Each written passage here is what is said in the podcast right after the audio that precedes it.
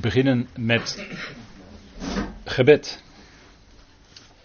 Trouw vader, wij danken u dat we zo hier vanavond bij elkaar kunnen zijn. Dank u wel dat we dat weer doen rondom dat woord van u. Dank u wel dat dat centraal staat in ons hart en in ons leven. Vader, dank u wel dat we als gelovigen bij elkaar zijn en ons verheugen over wat u geeft. We danken u dat u die grote God bent die van ieder mens houdt en die ook ieder mens weer terecht zal brengen. Dank u wel, Vader, dat u werkt in deze tijd, dat u de gemeente uitroept, dat u ook werkt onder uw volk Israël, Vader. Dank u wel dat we mogen weten dat u ook met hen tot het doel gaat komen. Dank u wel dat u ook bij grote wisselingen op het wereldtoneel qua presidentschap, Vader, ook dat is in uw hand en u bepaalt wie daar zit en Vader, wat daarvan weer de gevolgen zullen zijn. Vader, het is allemaal volledig in uw hand. We danken u daarvoor. We danken u dat u zo vanavond ons wilt leiden in het luisteren. Vader, geef ons een geopend hart voor uw woord. Geef ons die geest van wijsheid en onthulling in de erkenning van u, zodat we mogen verstaan wat onze geweldige roeping is. Vader, dank u wel dat we verlichte ogen des harten hebben ontvangen. En vader, we bidden u dat we onze ogen geestelijk gezien steeds meer opengaan voor wie u bent. Zodat we steeds meer ontdekken wie u werkelijk bent, vader, en dat u werkelijk alles in handen heeft.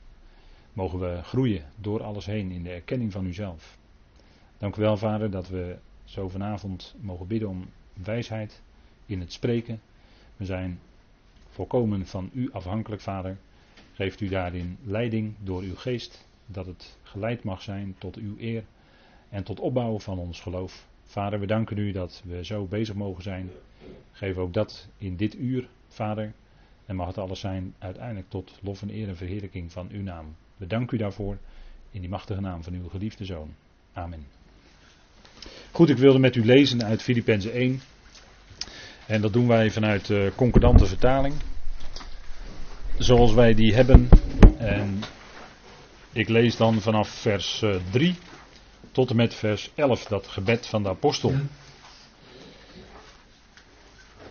En er staat: Ik dank mijn God bij elke herinnering aan jullie, altijd in iedere bede van mij voor jullie allen met vreugde deze bede uitsprekend, vanwege jullie bijdrage aan het Evangelie vanaf de eerste dag tot nu toe.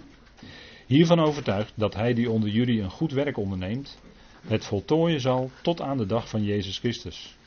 Daarom is het voor mij terecht, zo jegens jullie allen gezind te zijn omdat jullie allen, jullie die mij in het hart hebben, zowel in mijn boeien als in de verdediging en bevestiging van het evangelie, gezamenlijk deelnemers zijn met mij aan de genade. Want mijn getuige is God, hoezeer ik naar jullie allen verlang met het mededogen van Christus Jezus. En dit bid ik, dat jullie liefde nog meer en meer mag overvloeien in erkenning en alle fijngevoeligheid, zodat jullie toetsen wat belangrijk is, opdat jullie oprecht zijn en niet aanstootgevend tot in de dag van Christus. Vervuld met de vrucht van gerechtigheid, die door Jezus Christus is, tot heerlijkheid en lofprijs van God.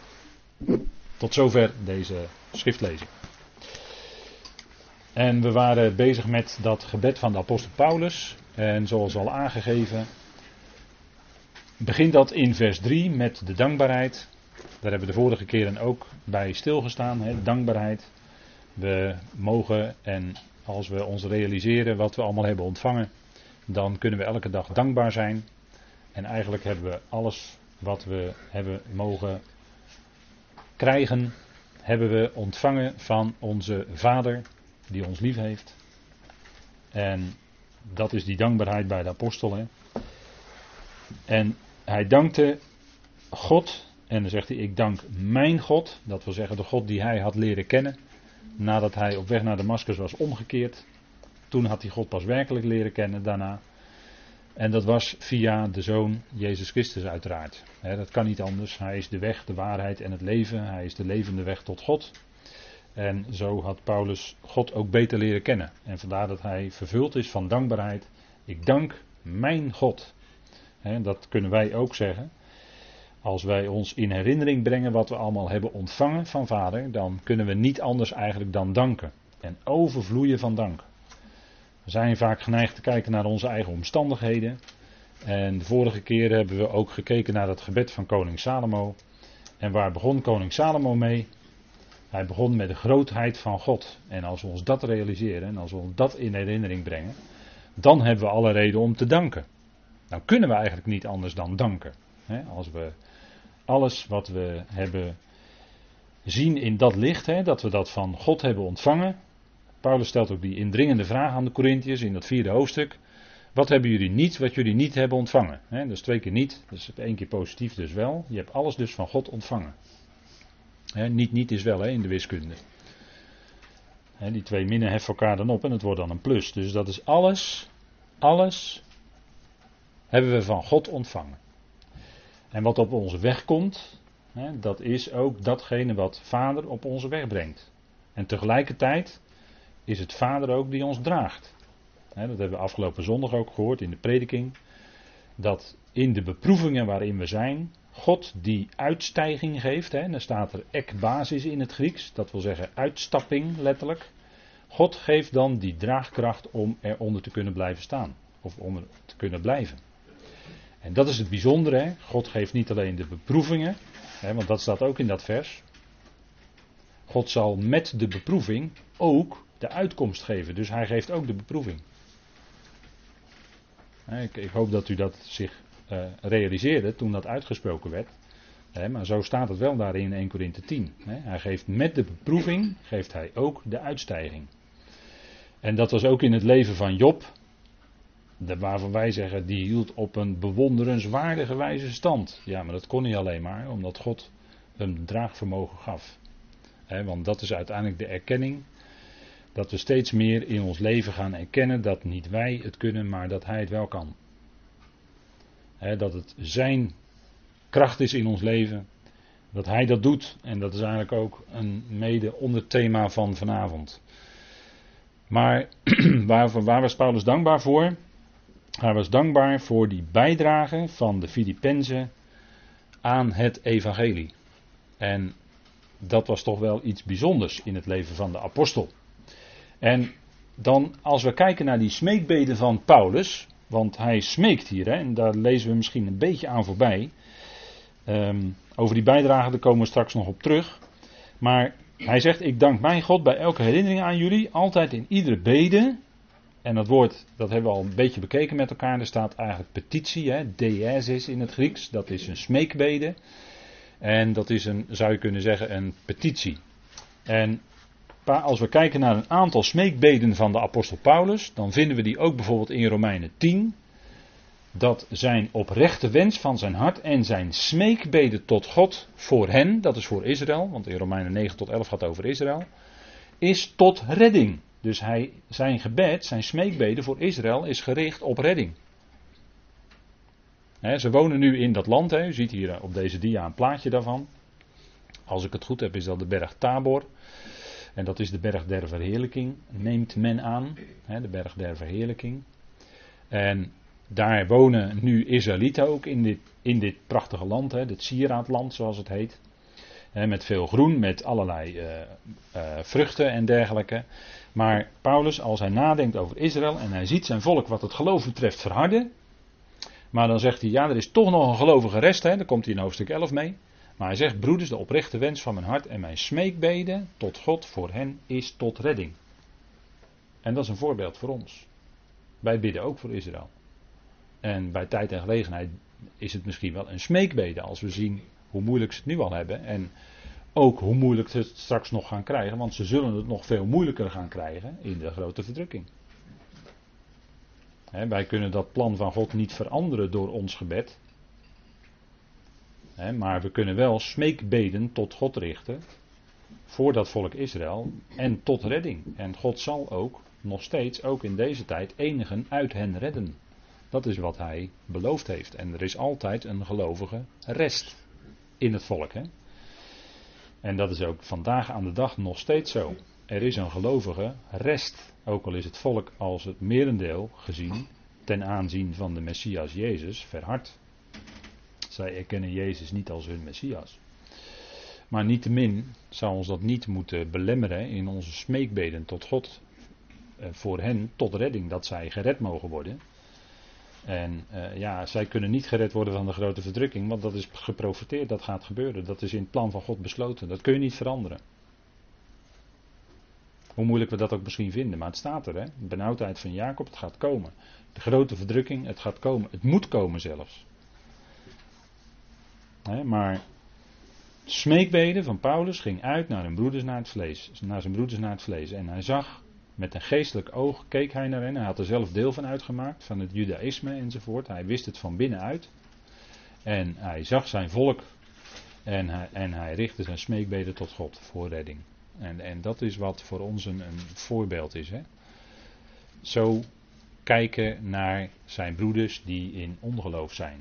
En dat is, en dat wist Paulus ook, dat is omdat God hen geeft een geest van diepe slaap. God heeft hun ogen daardoor verblind. Ze zijn door God in die toestand ook gebracht. En God houdt ze in die toestand tot het moment dat hij ze daaruit trekt. Nog een smeekbede van Paulus is voor zijn opvolger Timotheus. Een naaste broeder die hem trouw gevolgd was in het evangelie. Paulus doen en laten had leren kennen, nabij, van nabij veel dingen meegemaakt. En natuurlijk steeds de prediking gehoord en dat had geloof gewekt in dat hart van Timotheus. En, ehm, en als ik het weer even van de andere kant bekijk, God had het hart van Timotheus geopend, net als bij Lydia, weet u wel, die purperverkoopster. God opent een hart. Wij kunnen met tien paarden eraan trekken, maar dan gaat een hart niet open. Maar als God een hart opent, ja, dan is het ook open voor het evangelie. En dan wekt God ook geloof in dat hart. dat, uh, dat is duidelijk. En Paulus die bidt dan voor Timotheus, dankbaar ben ik God, wanneer ik onophoudelijk de herinnering aangaande jou in mijn smeekbeden breng, dag, nacht en dag. Dus steeds als hij zich Timotheus herinnerde en, wat, en hij wist dat op Timotheus zijn bordje dan dat evangelie zou komen te liggen. En dat Timotheus daar ook mee kwaad zou moeten lijden, hè, want dat zegt hij ook in deze brief. Timotheus leidt kwaad met mij, met het evangelie. En dat lijkt zo paradoxaal, hè, dat lijkt zo tegenstrijdig. Dat eh, als je het evangelie brengt, hè, wat toch geweldig goed nieuws is, de redding van iedereen. Dan eh, zou je denken dat mensen dat juichend binnenhalen, maar dat is helemaal niet waar. Omdat het evangelie niet naar de mens is. En omdat het tegen het menselijke vlees indruist. En daarom overkomt je dan kwaad, zelfs al ben je een prediker en ben je alleen maar uit op het goede voor alle mensen. En dan nog krijg je letterlijk de stenen naar je hoofd, hè, zoals Paulus dat overkwam in Lystra bijvoorbeeld. Krijg je letterlijke stenen naar je hoofd. En uh, ja, Paulus zegt dan, leid kwaad met mij in het evangelie. Dat is geen makkelijke weg. Dat is een weg van lijden en verdrukkingen. En soms extra lijden en verdrukkingen. Lijkt het wel, hè? Lijkt het wel. En die God dan bij gelegenheid ook niet wegneemt. Hè? Want als we nou praten over gebed, dan ehm, zien we in het leven van Paulus dat God die doorn in zijn vlees, die boodschapper van de tegenstander, waar Paulus drie keer ernstig voor bad dat God dat weg zou nemen bij hem. En dat was zo logisch en dus zo menselijk dat Paulus dat bad. Als gelovige. Heer, neem het alsjeblieft weg. Drie keer toe. Maar de Heer nam het niet weg. Hij liet dat zitten in het leven van Paulus. En er staat er ook bij, hè, de reden waarom. Staat er twee keer. En dan weet u, als ik dat zo zeg, dan weet u waarschijnlijk wel wat het is, hè? Wat de reden was. Hij had ongelooflijke onthullingen ontvangen, hè? Dat is iets eerder. Ik zit nu iets eerder in dat hoofdstuk waar ik het nu over heb. Hij had ongelooflijke onthullingen ontvangen. En opdat Paulus zich niet al te zeer zou verheffen, want dat staat er twee keer, liet God dat in zijn leven zitten. En zo kon het ook zijn in ons leven. Dat God iets in ons leven laat zitten, of misschien wel meerdere dingen. En misschien is dat inderdaad wel, opdat wij ons niet al te zeer zouden verheffen. Want we hebben ongelooflijke rijkdom hebben we ontvangen in het evangelie. Hè? Dat is onvoorstelbaar hoor, als je die grote God in herinnering brengt. Dan, heb je, dan kun je alleen maar danken eigenlijk. als je naar boven kijkt. Maar kijk, Paulus die bracht smeekbeden voor zijn medewerker Timotheus. Omdat hij wist dat Timotheus die zou het ook zwaar hebben in dat evangelie. Dat is helemaal geen makkelijke weg. En als je van tevoren uh, zou weten welke loopbaan je moet gaan lopen, om het zo maar te zeggen. Nou, dan was je misschien wel uh, gezegd van nou heer, dank u de koekoek, ik uh, doe het niet. Maar God grijpt je, hij schenkt je geloof, hij zet je op die weg en dan ga je die loopbaan lopen en dan gebeuren er allerlei dingen onderweg. En, en ook vervelende dingen dus. Hè? Een boodschapper van de tegenstander kreeg Paulus maar liefst. Hè, die hem figuurlijk dan met vuisten sloeg. Een doorn in zijn vlees. Wat hem voortdurend prikte. Dat was geen makkelijke weg. En wat denkt u van de Heer zelf? Is die nou zo'n makkelijke weg gegaan? Die heeft zijn loopbaan gelopen. Maar hoe kon hij het volhouden, de Heer? Hoe kon hij het volhouden? want hij heeft onder, hebben we ook met elkaar gelezen, Hebreeën 5, onder sterk geroep en tranen ging het, hè? Geen makkelijke weg hoor. Onder sterk geroep en tranen is hij die weggegaan. Dat was de loopbaan.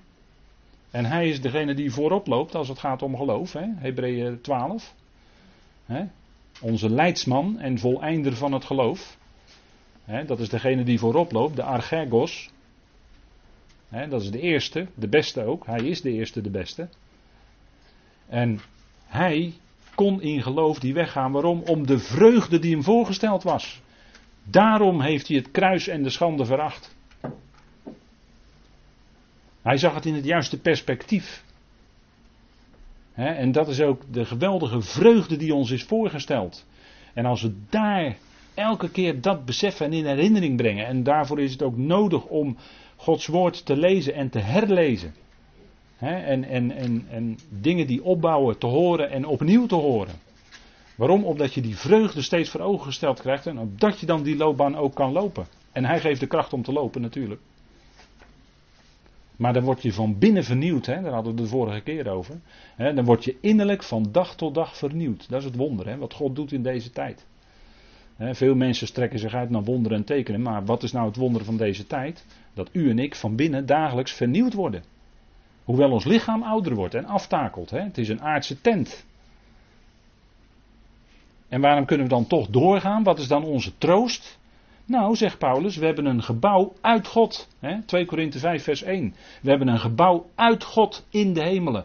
Dat is een alles overstijgende heerlijkheid. Waar Pieter zondag mee eindigde dat is die heerlijkheid die ons wacht.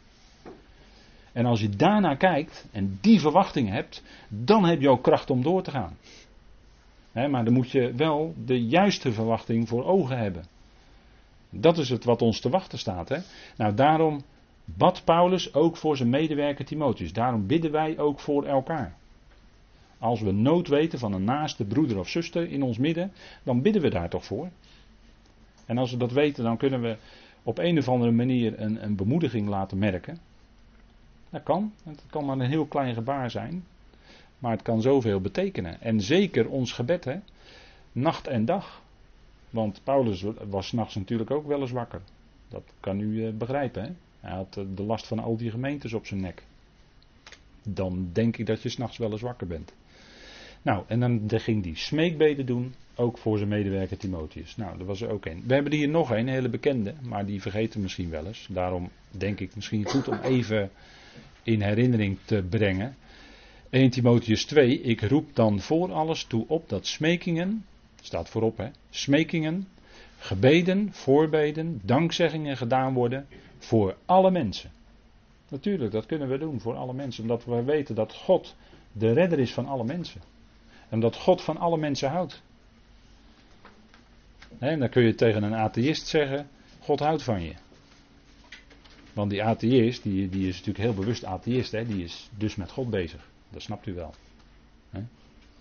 Atheïsten zijn vaak heel fel. Dat komt omdat ze met God bezig zijn. Heel hard bezig te ontkennen. En daar ben je er dus mee bezig. Zo werkt dat. Hè?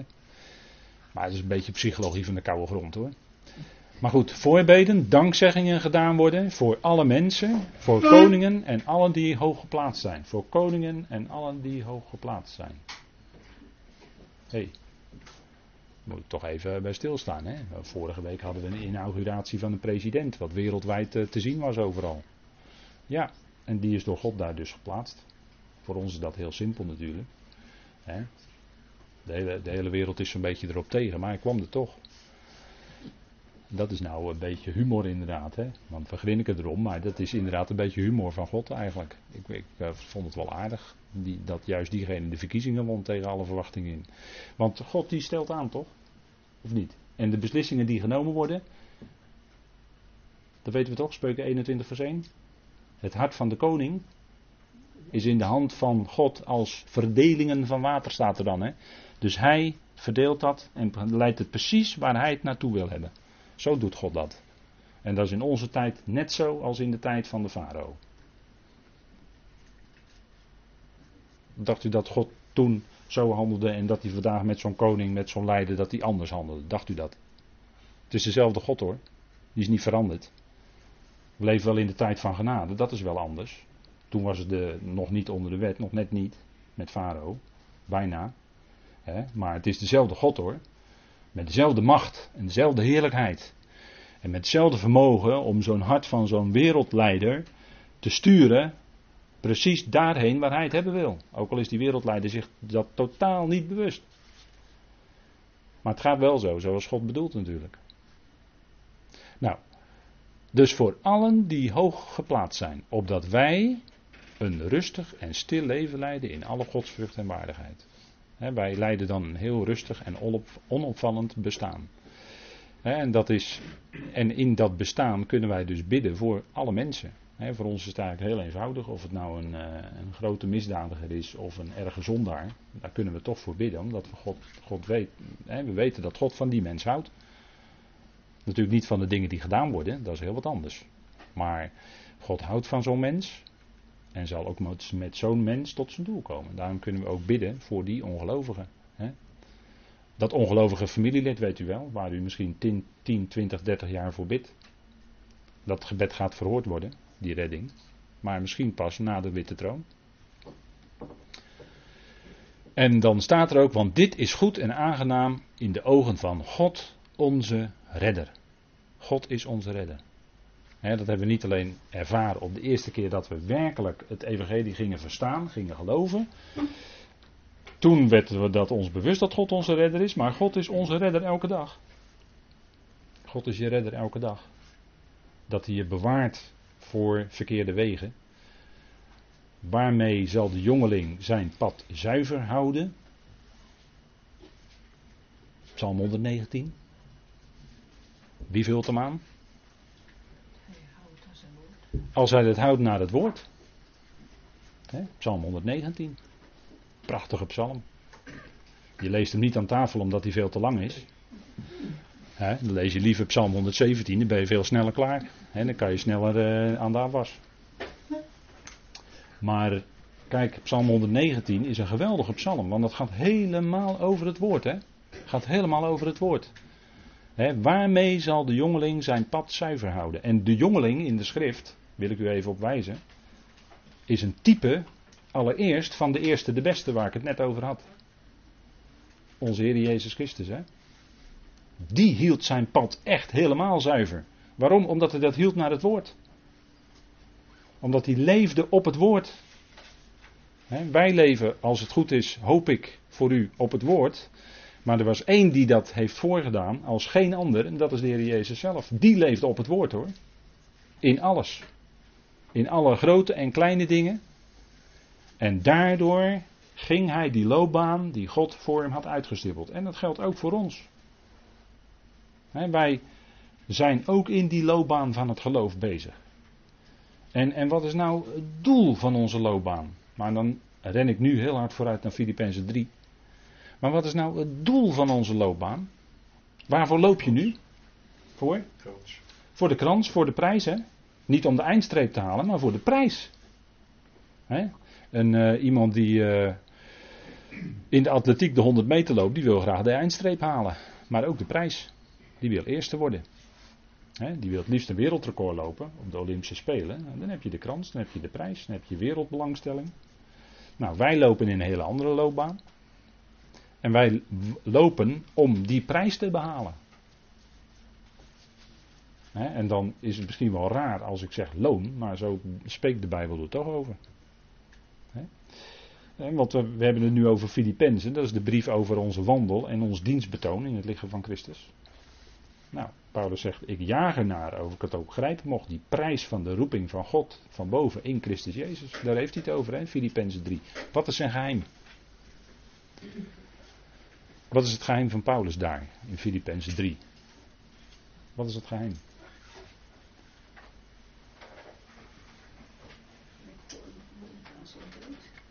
Gelijkvormig, ja. De kracht van zijn opstanding. Dat was het geheim van Paulus. De kracht van zijn opstanding, daar ging het om. Hij strekte zich naar uit, naar waar naartoe? Naar de uitopstanding uit de doden. Dat wil zeggen, dat is nu al in zijn dagelijks leven die opstandingskracht ervaren. En die ervoer hij ook. En dat was genade. En Paulus kon zeggen: Ik heb meer gearbeid dan zij allen. Maar niet ik, maar de genade van God die met mij is. Dat is de kracht van de opstanding. Die ervoer Paulus in zijn leven. En die, die kracht die werkt ook in ons. Want als we rekenen, dan rekenen wij met dat nieuwe wat we hebben ontvangen in Christus Jezus, dat wij een nieuwe schepping zijn in Hem. Daarmee zouden we rekenen.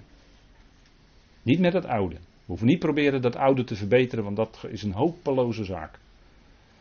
Ga alsjeblieft niet proberen die oude mens te verbeteren, zeg. Want die is toch aan het kruis gegaan? Met Christus? Romeinen 6. Elementair onderwijs van Paulus. Elementair. Wij zijn met hem gekruisigd. Onze oude mens is mede gekruisigd. Samen met hem. En daar rekenen wij mee. Daar zouden wij mee rekenen. dat, is, dat is eigenlijk voor ons elementair. En, dat is, en, en wat is dan je kracht? Dat is niet om je oude mens, die heel erg zijn best gaat doen, want dat is tot mislukken gedoemd. Maar die nieuwe mens, Christus in je, die kracht. Dat die het gaat doen in je leven. En als je dat ervaart, ja, dat is geweldig. En dan weet je je gedragen. En dat ervaar je ook, dat je dan gedragen wordt. En dat is het geweldige. Nou, dit is goed en aangenaam voor de ogen van God onze redder. Smekingen, gebeden, voorbeden doen. En dankzeggingen ook, hè, staat erbij. Dat is het verschil met Tenach. Daar wordt zo weinig over danken gesproken. Eigenlijk niet echt. Maar hier wordt, eh, Paulus heeft het steeds over danken. Gebed en dankzegging. Gebed en dank, dat is het grote verschil. Danken voor alle mensen. Ja, maar voor mijn, voor mijn eh, buurman of mijn buurvrouw. Kun je ook voor danken. Ik zeg het een beetje zacht, maar kan wel hoor. Zo horen de buren het. anders horen de buren het, ja, ja dat is een goeie. Ja. Goed, gaan we verder met dank. Hè. vers 3 en 4 zijn we bezig, nog even met gebed. Hè. En dan heeft Paulus het over met vreugde deze beden uitspreken. Dat lees je overheen, hè? lees je overheen. Met vreugde. Met vreugde deze beden uitsprekend.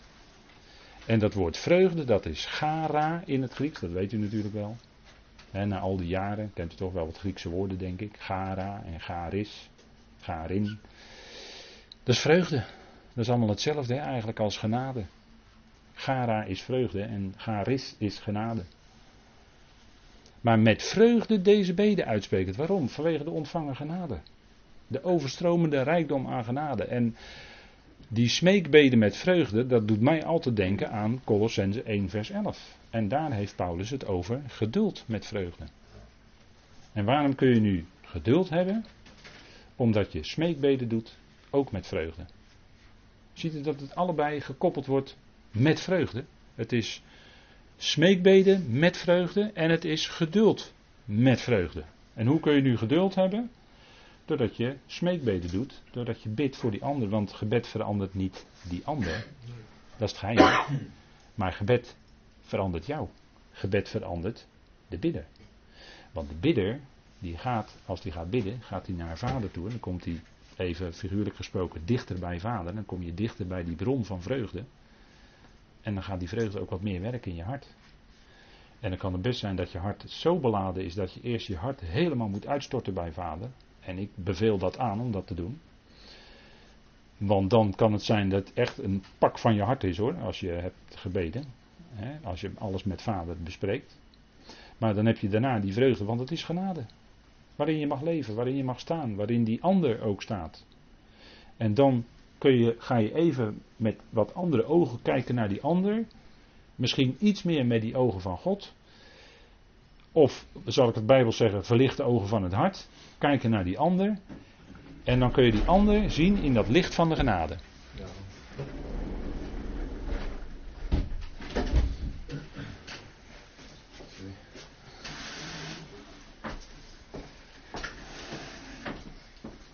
Dus dan hebben we smeekbeden met vreugde. Vader, die ander. Ik heb het met die ander zo moeilijk, vader. Kun je bidden, hè? Kun je mee naar vader toe gaan. Ik heb het zo moeilijk met die ander. Weet je wat je dan daarna gaat ontdekken als je met vader over die ander gaat spreken? Dat jij verandert. Dat jouw houding naar die ander toe verandert. Dat je ineens je geduld met die ander toeneemt. Dat je ineens die ander ziet als ook iemand in Christus. Een medegelovige, een medelid van het lichaam. Is ook in Christus. God houdt net zoveel van die ander als ook van mij. Hé. Hey. En dan kan het zijn dat er wat meer licht bij je opgaat. En dat je beseft, hé, hey, die ander is eigenlijk net zo geliefd bij vader als dat ik ben. En nou kan ik van daaruit die ander ook anders gaan zien. En komt er ruimte naar die ander toe. Dat kan. Hè? Kijk, en dan komt er ook een stukje vreugde bij. Want dan ga je vanuit die genade die God jou gegeven heeft, ga je ook die ander zien. Hè? Je gaat die ander ook dan automatisch, zou ik bijna willen zeggen, genade schenken. En dat, dat brengt vreugde bij jou teweeg en dat brengt ook vreugde bij die ander teweeg. Dus dan heb je weer zo'n uh, win-win situatie, weet u wel. Dat vind ik eigenlijk wel bijzonder dat het dan zo kan werken. Geduld met vreugde. Geduld betekent lang de moed erin houden. Hè? Dat zegt dat Griekse woord eigenlijk, als ik het wat letterlijker vertaal. Dan hou je lang de moed er met elkaar in. Hè? En, dat is, uh, en, en dat is dan ook echt van binnenuit met vreugde. Dan bedoel ik, dat is dus niet humanistisch. Want dat is zonder God. Maar dan is het vanuit God. Dan is het met God. Door God. Hoe moet ik het zeggen? Kijk, en dat is het bijzondere. Hè? Met voor jullie allen, dat deed Paulus, voor jullie allen met vreugde deze beden uitsprekend. Paulus had die Filipijns op zijn hart. En die had God op zijn hart gelegd. En daarom kon hij die smeekbeden met vreugde doen. Waarom? Vanwege de ontvangen genade. Niet alleen van Paulus zelf, maar ook bij die Filippenzen. Die hadden ook die genade ontvangen. Daar heeft hij het ook over in het hoofdstuk. Hè? Dus het is altijd goed om uh, met, met de dingen die op je hart liggen in het licht te komen bij Vader. Want kijk, gebed doodt de zonde. Of andersom. Dat kan ook.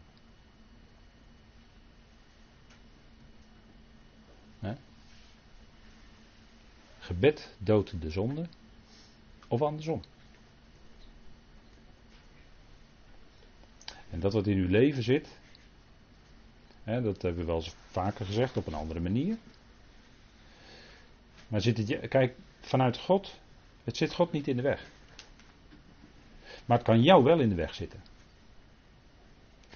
En als je daarmee naar God gaat, dat, dat wil zeggen in het licht komt bij Vader, want God is licht. Dan kun je die dingen, of datgene waar jij mee zit, of waar jij mee worstelt, kun je in het licht brengen bij God. En dan kan het zijn dat die, dat wat jou dwars zat, dat dat verdwijnt uit je leven. Dat God je daarvoor de kracht geeft.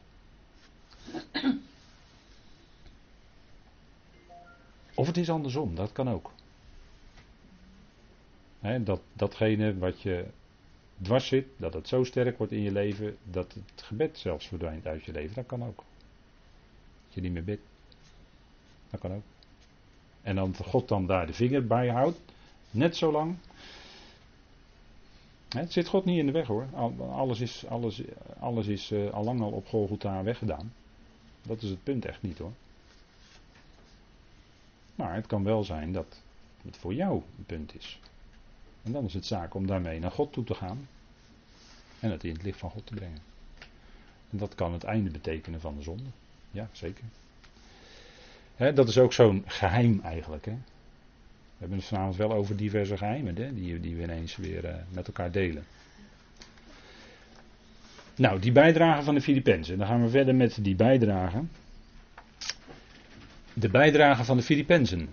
En dat woord bijdrage, eh, dat is eigenlijk het woord koinonia. Dat is een lange O in het Grieks, vandaar dat u dat, dat zo zei. En dat betekent eigenlijk gemeenschappelijk zijn. Iets wat je deelt met elkaar. Gemeenschappelijk. Een bekend Grieks woord, hè, wat vaak eh, gebruikt wordt, ook voor organisaties en dergelijke. Maar uh, wat nou het voorbeeld is in het Midden-Oosten van gemeenschap, dat is een tafel. Dat je aanzit aan dezelfde tafel. Tafel is een uitdrukking van gemeenschap. de profeet uh, Elisa was het, meen ik. Die had onder andere, die had niet veel, hè? die had een, eh, een, een, plaats om te liggen en die had ook een tafel en een kandelaar. Dat is, dat is allemaal typologie natuurlijk. Maar die tafel is een uitdrukking van gemeenschap. Gemeenschap. En als je aanzit aan dezelfde tafel, dan deel je dus een maaltijd gemeenschappelijk. Met andere woorden, waar, ze, waar het voor staat is. Je deelt eigenlijk het leven, want je eet met elkaar om te kunnen blijven leven. Dus je deelt eigenlijk dan ook het leven met elkaar. Dat is eigenlijk de gedachte in het Midden-Oosten. En daarom is het, hoe verder je komt naar het oosten en je, en je, je zou daar bij wijze van spreken mensen ontmoeten, dan is het, je moet eten met elkaar. Eten. Er komt gelijk eten op tafel. Waarom? Nou, dat is een uitdrukking van gemeenschap. En die Oosterse mensen, die weten dat. Wij, wij zijn dat in het Westen hier kwijtgeraakt. Maar de Heer zat, hè, die dit schilderij van Michelangelo is dit geloof ik, hè? Maar uh, die uh, tafel waar de Heer aan zat met zijn discipelen was natuurlijk wel heel bijzonder, die laatste maaltijd. Hè? En wij noemen ook, als wij met elkaar uh, een, iets uit een bekertje drinken en een stukje brood nuttigen, dan noemen wij dat ook de maaltijd van de Heer. En uh, ja, als je dat viert, dan zegt Paulus, nou, in Korinthe hielden ze maaltijden met elkaar. Hè? Uh, dat was heel gebruikelijk in die tijd. En dat noemde Paulus dan de maaltijd van de Heer. En zeggen als jullie maaltijd vieren met elkaar, dan is dat niet de maaltijd van de Heer. Het is niet op die manier zoals de Heer dat met zijn discipelen deed. Want de Heer met zijn discipelen deed dat in een bepaalde houding die deed dat in een bepaalde gezindheid. En die Corinthiërs, die zaten aan tafel. En de een die was dronken, hè, want uh, normaal, het is heel gebruikelijk in het Midden-Oosten. En hoe verder je naar het zuiden afzakt in Europa, uh, hoe gebruikelijker is het om ook wijn bij het eten te nuttigen. Maar die Corinthiërs, die, uh, sommigen kwamen dronken aan tafel. Dat was typisch Corinthisch, hè, leven als een Corinthiër, is het spreekwoord. En de anderen die zaten zich verschrikkelijk vol te eten. En dat was gewoon eigenlijk een beetje schandalig wat daar gebeurde. En dat spreekt Paulus aan dan in 1 Korinthe 11. Maar wat deden ze daar? Zij nuttigden gemeenschappelijk die maaltijd. Uitdrukking van gemeenschap. Kijk, en als je dan als gemeente maaltijd van de Heer viert, dan is het de maaltijd van de Heer. Dan is het ook de tafel van de Heer. En dan zou je de vraag kunnen stellen: kun je eigenlijk wel iemand weigeren die wil deelnemen? Kunnen wij, zouden wij iemand dan kunnen weigeren die wil deelnemen aan de maaltijd van de Heer? Ik denk het niet. Weet u waarom? Omdat het de tafel van de Heer is en het is de maaltijd van de Heer. Dus niet van ons, het is van de Heer. Hij, en, en als hij bedoelt dat diegenen daaraan deelnemen, dan nemen die deel. Dat is de Heer zijn verantwoording. Dus als iemand wil deelnemen, dan kan hij gewoon deelnemen. En helaas is het zo dat men in kerken gaat bepalen wie wel en wie niet kan deelnemen. En in sommige kerken zijn er maar heel weinig die kunnen deelnemen. Op totaal verkeerde gronden. De meesten durven niet aan te gaan, hè? dat is dan het jargon. Hè? Zij durven niet aan te gaan. Aan die maaltijd. Waarom niet? Omdat ze zich veel te zondig voelen. volkomen verkeerde grond.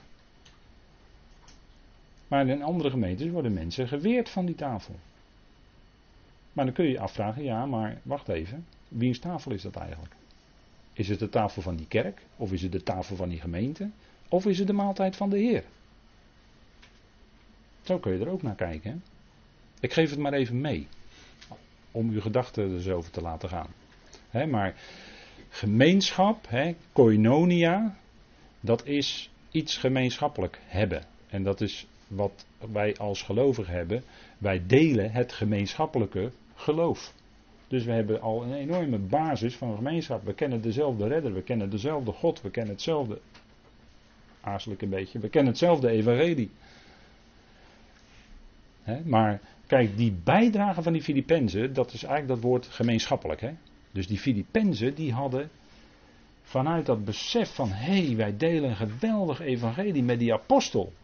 En dat bewoog hun hart. Dat bewoog hun hart. En ze gaven bij tijd en gelegenheid een bijdrage aan Paulus. Paulus die vroeg daar niet om. maar Paulus die was wel verheugd, want hij zegt vanwege jullie bijdrage, en dan staat er letterlijk naar binnen het evangelie, vanaf de eerste dag tot nu toe. Ze hadden steeds blijk gegeven van hun verbondenheid met de apostel, en dat uitte zich bij hen in het ook daadwerkelijk aan de apostel Paulus bij tijd en gelegenheid iets te geven waardoor hij, als het, soms was het moeilijk, had hij wat minder en soms wat meer. Dat maakte ten diepste voor Paulus niet uit hoor. Maar dat is hoofdstuk 4. Maar zij gaven toch een bijdrage. En dat was niet afgedwongen, want dat is vreselijk. Als je het af is het vreselijk. En Paulus die zegt dan iets over dat geven. En dat gaan we even met elkaar opzoeken in 2 Korinthe 9.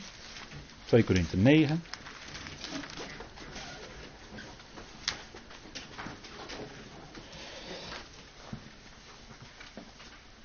want als het gaat om een bijdrage en als het gaat om geven van, van, uh, van uh, laat maar zeggen, materiële dingen, dat is altijd een heel moeilijk onderwerp, dat is altijd heel lastig.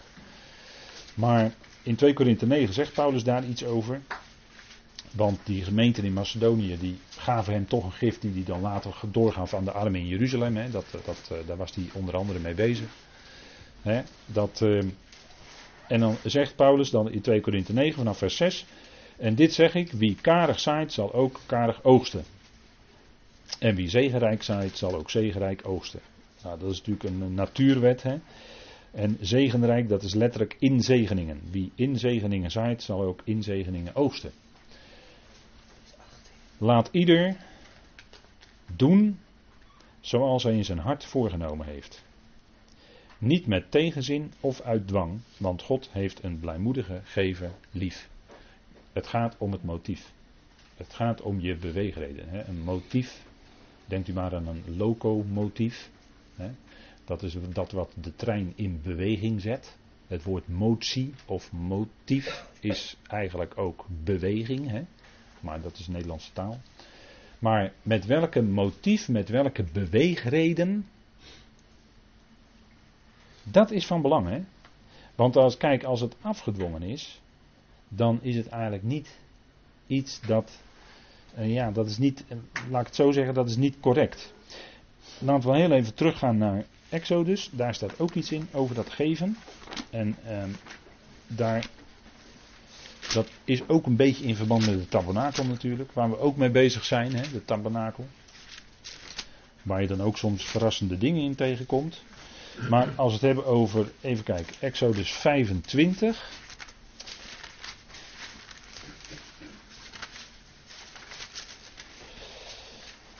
Dan staat daar het hefoffer. En u weet dat toen de Israëlieten wegtrokken uit Egypte, toen namen ze goud en zilver en alles eh, namen ze mee. Hè? Dat, uh, dat had God gezegd. Als jullie daar wegtrekken, dan zullen jullie de Egyptenaren uh, snel, snel van alles weg, wegnemen. Hè? In de vertaling staat dan het woord beroven. Maar dat was onder andere heel veel goud en zilver. En dat was natuurlijk later nodig in de tabernakel. En dat, dat, daarvoor was dat natuurlijk, hè, mede. Toen sprak de Heer tot Mozes: Spreek tot de Israëlieten dat zij voor mij een hefoffer nemen. U moet van iedereen wiens hart hem gewillig maakt. Hey. Dus hier, en dat gewillig, dat duidt op, als je het vanuit het Hebreeuws, dat is het woord eh, najif, dat, dat duidt op vrijwilligheid. Wiens hart hem gewillig maakt.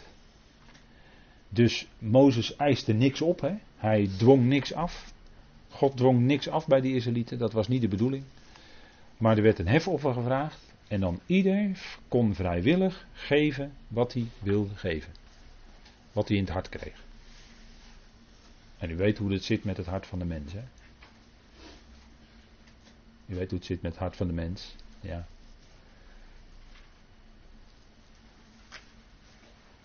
Kijk, uiteindelijk was het natuurlijk God die ervoor zorgde dat er toch genoeg kwam. Zoals altijd, hè? dat is niet alleen met het goud en zilver, maar dat is ook later met het manna. Hè, 40 jaar lang manna. Nou, nou. God zorgde er wel voor hoor. Een hefoffer voor mij nemen. Dit is het hefoffer dat u van hen moet nemen. Goud, zilver en koper. Blauwpurperen, roodpurperen en scharlaken, scharlakenrode wol, fijn linnen en geitenhaar. Roodgeverfde ramshuiden, zeekoeienhuiden en acaciahout. Of dat bekende sittimhout, maar daarover meer op de studie van de tabernakel. Olie voor de lamp, specerijen voor de zalfolie en voor het geurige reukwerk. Onyxstenen en andere stenen als opvulling voor de efot en de borsttas. En ze moeten voor mij een heiligdom maken, zodat ik in uw midden kan wonen, volgens alles wat ik u zal tonen. Een ontwerp van de tabernakel en een ontwerp van al zijn voorwerpen, zo moet u het maken. Wat Mozes gezien had op de berg. En daar zullen we de volgende keer bij de studie van de tabernakel ook over hebben. Wat Mozes heeft gezien op de berg. Maar hij moest een hefoffer nemen. Van al die dingen. En die waren nodig voor die tabernakel. En dat is allemaal symboliek. Het is allemaal typologie natuurlijk wat daarin zit. Want zilver is eigenlijk losgeld. En losgeld is in de schrift altijd een type van verlossing. Onder andere. Maar ook van verzoening. Maar ook losgeld. Hè? Zilver werd altijd gebruikt voor geld. Losgeld. Natuurlijk verwijst dat direct, hè, als u denkt aan losgeld, dan verwijst dat direct naar degene die het losgeld was. Onze Heer Jezus Christus. Kijk, dat is typologie, hè? Dat is typologie. Dat wijst allemaal naar Hem. Het losgeld, het ware losgeld is Hij. Het is betaald. Voor alles en iedereen. En overeenkomstig losgeld voor allen, zegt Paulus dan. Nou, dan kom je bij hem uit, dat kan niet anders. al die lijntjes wijzen altijd naar de Heer. Maar hoe gaven ze nu met een gewillig hart? Dat staat hier, wiens hart hem gewillig maakt. Een hefoffer. Dus zij gaven uit een vrijwillig hart. Het was niet afgedwongen. Later kwam wel in Leviticus het voorschrift van de tienden. Ik kan misschien wel zeggen bijna de beruchte tienden. Hè? Want daar wordt in gemeentes en in kerken op gezinspeeld. Alhoewel, als je dat leest, dan komt men er ook steeds meer op terug. Want men ziet wel dat het een oud-testamentische inzetting is. En dat je onder de genade niet de tiende hoeft te geven, maar alles mag je geven. Want het brandofferaltaar hebben we het toch over gehad? Ik blijf nog even bij de tabernakel. We hebben het toch gehad over het brandofferaltaar? En dat sprak van dat wij ons lichaam stellen tot een levend, niet een dood, en dode dieren kwamen op het altaar, maar dat is bijzonder in Romeinen 12, een levend, heilig en God welgevallig offer. Staat er dan. Dat is onze logische godsdienst. En dan is het niet meer dat, dat God heeft niet de tiende. Nee hoor. Als je die genade leert kennen, dan zeg je, Heer, hier heeft u mijn hele leven. Gebruikt u mij maar in uw dienst, op welke manier dan ook. Helemaal. Dus niet alleen de tiende, maar tien keer tien. Bij wijze van spreken. Maar het is geen dwang, hè? Nogmaals, is geen dwang. Is niet verplicht. Maar het kan wel zo zijn dat het evangelie zo in je hart werkt, dat het je zo aanspreekt. En dat je God, zo'n geweldige God, gaat vinden daardoor. Dat je zegt, ja maar Heer, hier heeft u mijn leven. Ik wil mijn leven in uw hand leggen. En denk erom dat het in die hand dat het goed is. En dat je daar ook nooit uit kan vallen. dat is eigenlijk wat, wat onder de genade is. Hè? Dat is eigenlijk veel meer. En het is nogmaals niet gedwongen, want het is genade. En het is uh, vrijwillig, want Paulus zegt hier, en dan gaan we even terug naar 2 Korinthe 9, hè, vers 7, daar kwamen we vandaan. Laat ieder, zoals hij in zijn hart voorgenomen heeft, doen, niet met tegenzin of uit dwang. Je moet niet geven met tegenzin. Doe het dan niet. En je moet niet het gevoel hebben dat het je afgedwongen wordt, want dat is absoluut nooit, never de bedoeling onder de genade. Dat kan helemaal niet. Genade staat haaks op dwang. Waar de geest van de Heer is, is vrijheid. Dus daar is geen dwang. Zodra het dwang wordt of klemmend, dan is dat niet de geest van de Heer. Dan is dat waarschijnlijk de mens zijn eigen geest die beslag over jou wil proberen te krijgen. Of zelfs kan het ook nog zijn een andere geest. Een vreemde geest, maar dan begrijpt u wel wat ik bedoel. Dan komt de klem, dan komt de dwang. Daaraan kun je dingen herkennen. Of het de geest van de Heer is of niet. is de vrijheid werkelijk echte vrijheid in Christus, ja of nee? Ja, er is echte vrijheid in Christus, maar dan is het ook echt echte vrijheid. Dus het is niet gedwongen, want dat zegt Paulus hier ook. dit, dit vers dat is helemaal in harmonie met de vrijheid in Christus. het is niet met tegenzin, niet gedwongen, want God heeft de blijmoedige gever lief. Dat staat er. God heeft de blijmoedige gever lief. En dat, dat woord blijmoedig in het Grieks is wel, wel aardig. Dat is ons woord hilarisch. als je het zo leest. Nou, dus het is met blijdschap in je hart. Als je met blijdschap in je hart geeft, ja, dan, dan is het een gave waarvan God zegt: hé, hey, kijk, dat is een blijmoedige geven. En het is, hè, je bent gelukkiger om te geven dan om te ontvangen. Dat heeft de Heer ook gezegd. Hè? Het is beter om te geven dan om te ontvangen. En dat is ook zo. Als je iets aan iemand geeft, een cadeau, dan wordt die ontvanger blij en jij wordt ook blij, want je geeft iets. Dat werkt bij jou ook blijdschap in je hart. hebben we hem weer, hè? Win-win. En God is bij machten elke vorm. En dit is een prachtig vers hoor. Dat kun je inlijsten. En dat, uh, Ed had het zonder over tegeltjes. Maar dit zou je wel eens op een tegeltje kunnen zetten, denk ik. En God is bij machten elke vorm van genade overvloedig te maken in jullie, zodat jullie, wanneer jullie in alles, altijd al het nodige bezit, overvloedig kunt zijn in alle goed werk. Nou, hier heb je de woorden overvloedig en alle, heb je hier echt in overvloed in dit vers. Hè? En dit, dit zou ik zeggen, doe dit, hang dit, zet dit eens op een tegeltje en hang het in je keuken of zo. Of hang het in je, een, een wand waar je vaak naar kijkt, daar word je er vaak aan herinnerd. En God is bij machten elke genade overvloedig te maken in jullie. Daar kun je alleen daar al, hè, daar kun je God al voor danken. God is bij machten.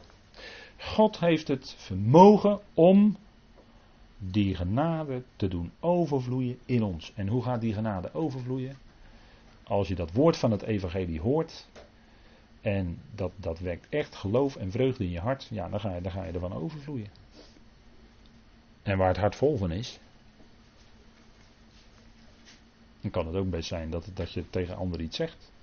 Of dat de ander iets ook echt aan je ziet.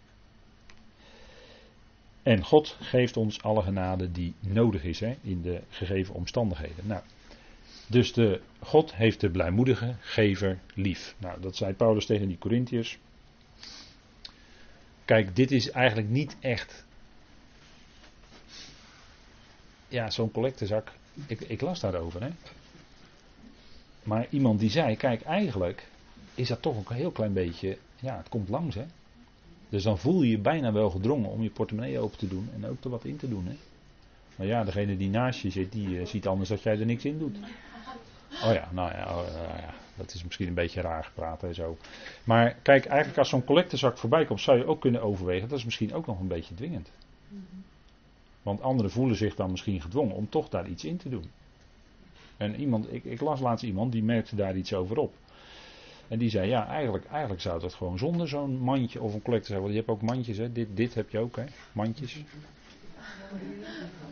Kan uh, tactiek zijn, hè, dit. Kan tactiek zijn, een mandje. Maar daar ga ik niet verder op in.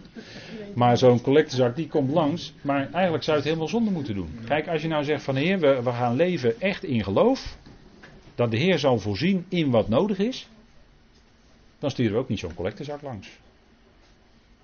Idee. Hè?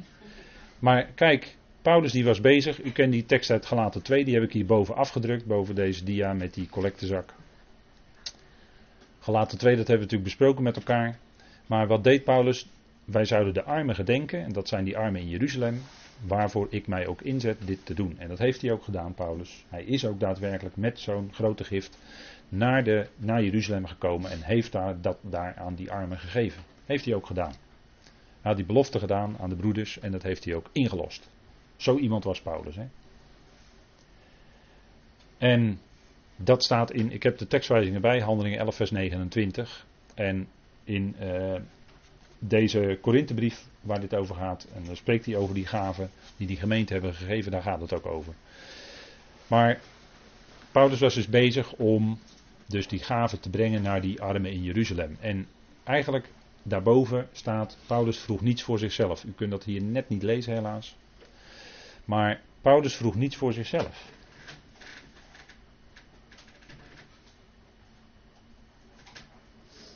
Lees de brief van Paulus. En gaat u nou een tekst proberen te vinden waarin Paulus iets vroeg voor zichzelf. Ja, gebed. Ja, ja, dat hoor ik zeggen. Gebed vroeg hij voor zichzelf. Dat wel. Ja, broeders, bid voor mij dat God mij vrijmoedigheid geeft. Ja, zeker. Nou. Maar hij vroeg geen, nooit, nooit hè, nooit vroeg hij materiële, dat, hem, dat, eh, dat hij wat nodig had. Hij deed dat nooit. En hier ook, Paulus vroeg niet voor zichzelf. En we zien die praktijk, ik heb het daar al even over gehad, maar op deze dia heb ik het er even bijgezet. Leviticus 27 was voorschrift in de wet van Mozes. Ze moesten de tiende geven. Maar moesten ze nou de tiende geven van hun geld? Nee, dat staat daar niet hoor. Want als je het nou echt even heel strikt hebt over tiende geven. Dan zullen we eens kijken in Leviticus 27 wat daar nou precies staat. Waarvan zij dan die tiende moesten geven. En dan wordt hij, eh, dan wordt hij wel mooi hoor. Want ik kom zelf uit, eh, oorspronkelijk uit een bloembollenstreek. En ik heb ook in de bloembollen gewerkt een aantal jaren. Dus ik ken dat vak. Maar denk erom, als een bloembollenbouwer 10% van zijn bloembollenopbrengst moest afleven, afgeven aan de kerk. Oh, dat had wat betekend hoor, op het dorp waar ik vandaan kom. Nou, nou. Dan uh, was er zachtjes. Uh, nou, geen stille revolutie uitgebroken, maar een uh, duidelijk hoorbare, denk ik. Maar dat staat hier wel hè, voor Israël. In Leviticus 27. Alle tienden van het land, alsjeblieft. Alle tienden van het land. Ja, ja. Van het zaaigoed van het land als van de vruchten van de bomen. Dus 10% van alle appeltjes, van alle appelbomen, 10% van alle peren, weet ik eigenlijk niet of die daar ook uh, zal wel. Warm land, zullen ook wel peren groeien. Druiven zijn voor de Heer. 10% van de opbrengst is allemaal voor de Heer. En eigenlijk is alles van de Heer. Hè? Want de Heer zegt, de hele aarde is van mij. De hele aarde is van mij. Dus als het daarover gaat, en dat zegt hij ook in Leviticus, hè, in Leviticus 25, dan zegt hij dat gewoon. De Heer zegt dat in Leviticus 25, het land is van mij. En dus is eigenlijk al die, al, die bomen die er staan, al die vruchtbomen, olierijke olijfbomen, vijgenbomen, noem ze allemaal maar op. Het is allemaal van de Heer. Maar ze mogen daar vol van genieten. Maar 10% zegt de Heer, oké, dat is dan, voor, dat is dan uh, moet je aan mij afdragen. Terwijl dat eigenlijk gewoon 100% eigenlijk zou moeten zijn. Strikt genomen. Hè? Nou, dus ze zijn heilig voor de Heer. Maar als iemand toch een deel van zijn tiende vrijkoopt, moet hij het vijfde deel ervan daaraan toevoegen en alle tienden van runderen en kleivee, want het gaat verder hoor. Van alles wat onder de staf doorgaat, het tiende is heilig voor de Heer. Dus heilig betekent apart gezet voor de dienst aan God. Dat is heilig hè. Heilig is niet zonderloos, want een, een rund, een rund zonderloos. Of uh, bomen, vruchtbomen zonderloos. Daar kunnen we niet over praten. Maar wel over, ze zijn heilig, dat wil zeggen apart gezet voor de dienst aan God. Dat wel. En zo waren ook de kandelaren en het wasvat en alles was heilig bij de tabernakel. Nou, een kandelaar kan niet zondigen, maar is wel heilig. En apart gezet voor de dienst aan God. Dat is het, hè? Dat is eigenlijk heilig. En dat zijn, wij zijn ook heiligen. Wij zijn ook apart gezet voor de dienst aan God. Als gelovigen lichaam van Christus. Men mag niet onderzoeken of het goed is of slecht en men mag het niet omruilen. En als men het toch omruilt, dan is zowel dit als wat daarvoor omgeruild is heilig. Ze mogen niet vrijgekocht worden. Dus dat, daar stond een duidelijke sanctie op. Hè. Daar stond druk op. Dat, moest, dat was voor de Heer, al die tienden. En dan staat er in numeri, die tekst heb ik erbij gezet, maar die gaan we niet lezen. Numeri 18 staat dat die tienden mede bedoeld waren voor de levieten die dienst deden. En dat was natuurlijk het priesterlijke, daar waar de priesters uitkwamen, de levieten, uh, Aaron en, enzovoort, dat behoorde tot de stam Levi en die hadden ook hun tenten, hebben gezien, rondom die tabernakel als eerste en daarbuiten dan die twaalf stammen. Nee, maar dat nogmaals, dat is een ander moment. Goed, we gaan even met elkaar pauzeren.